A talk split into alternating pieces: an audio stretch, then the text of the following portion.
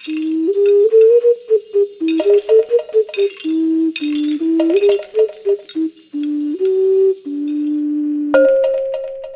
Janine.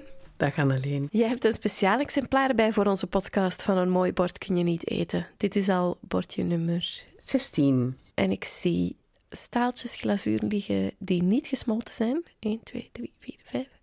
5 en nog eens twee op een tegeltje.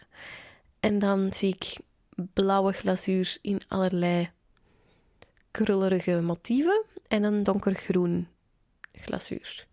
Dat is toch zot, die, die blauwe krullen, dat is dan zo'n beetje een koningsblauw. Dat doet meteen denken aan al die klassieke porseleinen serviezen die grootmoeders in de kast hebben staan. Ja, ja dat is uh, Majolica-techniek. En Majolica, mensen kennen dat uit uh, Portugal, maar ook Delsblauw is een Majolica-techniek. En Delsblauw en het, het Majolica uit Portugal zijn weer gebaseerd op de Chinese beschilderde vazen die in de 17e, 18e eeuw met VOC naar Europa kwamen en die dus heel erg nagedaan werden, uh, maar dan wel vaak met motieven, nieuwe motieven van hier. Uh, alhoewel de Delftnaren ook wel heel grappig de Chinezen echt zodanig kopieerden dat je dus ziet van dat klopt helemaal niet. Maar uh, dat is een heel ander verhaal. Um, het, de Majolica-techniek is in die zin iets speciaal.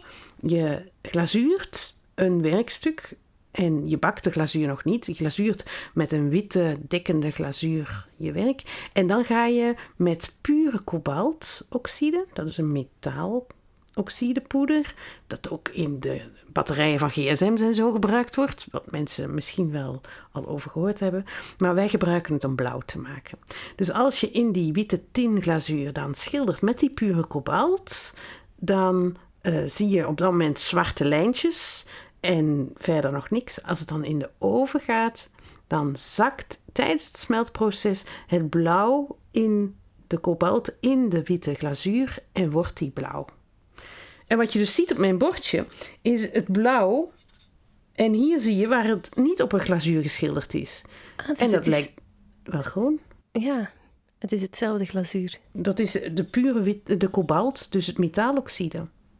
Waar ik enerzijds in de glazuur heb geschilderd, daar werd het mooi blauw. En naast de glazuur heb geschilderd en daar is het grijs, groen, bruin. Nou ja, bruin niet grijs, groen, blauwig. Dus je hebt echt wel de chemische reactie met de witte glazuur nodig. Om blauw te krijgen. En veranderen de lijnen dan ook in, in dikte? Of is dat exact zoals je het geschilderd hebt? Ehm, nou, als jij het een beetje van dichtbij kijkt, kan je zien dat die glazuurlijnen niet zo scherp zijn. Nee, klopt. De, lijn, de buitenkant van de lijn is een beetje vervloeid in de glazuur. Dus dat geeft ook de zachtheid aan die schilderingen. Dus dat is het mooie van Majolica-technieken, dat dat ehm, een zekere zachtheid geeft. Nu, ik heb nooit veel Majolica geschilderd, dus het is een beetje klunzig.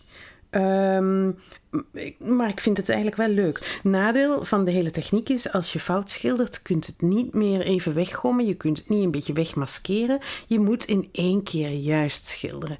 En ik had een veel te dikke penseel vast om dit te testen. Dus ik zou een betere borstel of penseel moeten zoeken om deze techniek eh, nog eens wat te testen. Ik vind het zo wel leuk. Minder fijntjes. Klunzig dus. Nee, dat is jouw woord.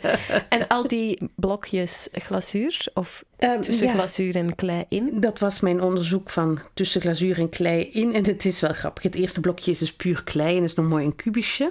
En de blokjes daarna zie je een beetje wegsmelten in, in zichzelf, want daar zit meer glazuur in. Ehm, het laatste blokje is bijna een bolletje geworden, zelfs in het smeltproces. D- dat is een hergebruik van de testjes die ik aan het maken was. Eh, en ik vind het wel heel grappig dat je kubusjes maakt en die er als een bolletje uit de oven komen.